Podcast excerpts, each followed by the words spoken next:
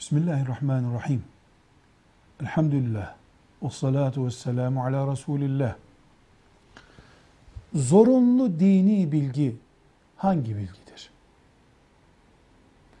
Mesela bir Müslüman, Müslümanlığı ile ilgili zorunlu bilgiyi öğrenmek için Kur'an'ı baştan sona ezberlemesi veya okuması şart mı?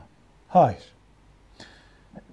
Bütün hadis kitaplarını okumak, Peygamber sallallahu aleyhi ve sellemin öğrettiği her şeyi öğrenmiş olmak şart mı? Hayır. Bütün fıkıh kitaplarını okumak şart mı? Hayır. Neden hayır? Çünkü bunlar uzmanlığı gerektirir. Çok uzun yılları gerektirir.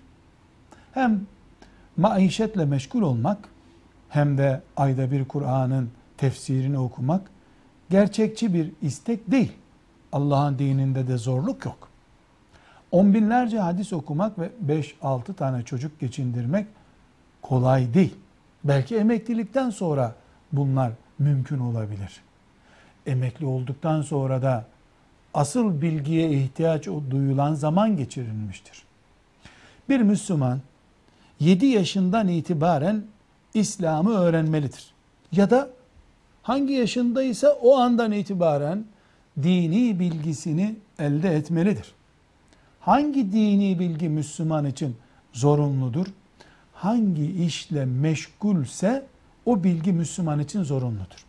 Müslüman namaz kılıyorsa namazla ilgili bilgisi olacaktır. Müslüman oruç tutuyorsa Ramazan-ı Şerif'ten önce oruç bilgisini tazeleyecektir. Hacca gitmeden önce oturup bir alimden, hoca efendiden bir kitabı beraberce okuyup öğrenip haccı anlamalıdır zekatla ilgili yükümlülüğü var. Zekat fıkhını öğrenmelidir. Bütün bunlar birer e, kitapçık şeklinde özetlenebilecek bilgilerdir.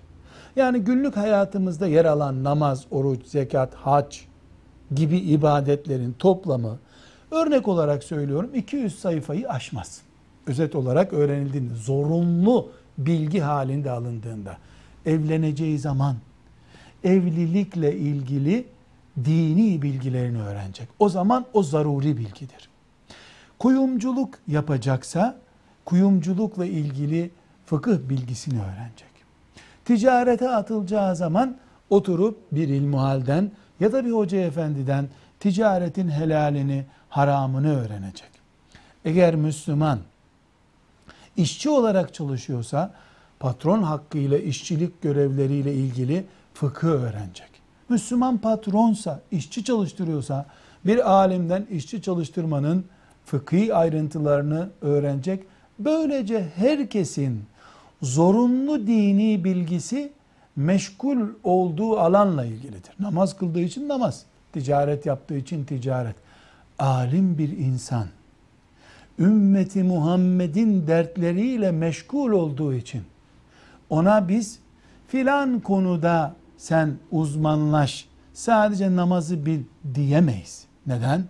Çünkü o namazla da, oruçla da, ticaretle de, evlilikle de, boşanmayla da, uluslararası ilişkilerle de, Müslümanların yönetim tarzı olan hilafetle de ilgileniyor olması lazım.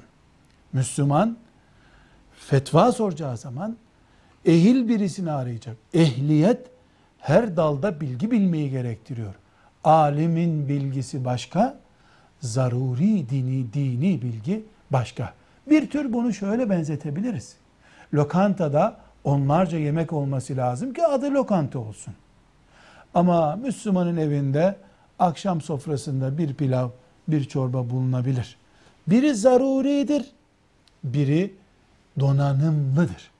Müslüman zaruri olarak neyle meşgul oluyorsa bu hayatta o bilgiye vakıf olması lazım. Hem dini açısından hem dünyası açısından.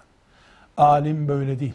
Tek bir alanda uzmanlaşmış birisi mesela fıkıhta bir konuyu araştırmış, doktora yapmış, profesör olmuş birisi o alanın uzmanıdır. Alimlik bunun ötesinde bir şey. Müslüman sorduğunda en azından kaynaklara müracaat edip nereden nakil yapacağını, Allah'ın kitabında, peygamberin hadisinde Ebu Hanife'nin fıkhında nereden bulacağını biliyor düzeyde olması lazım. Velhamdülillahi Rabbil Alemin.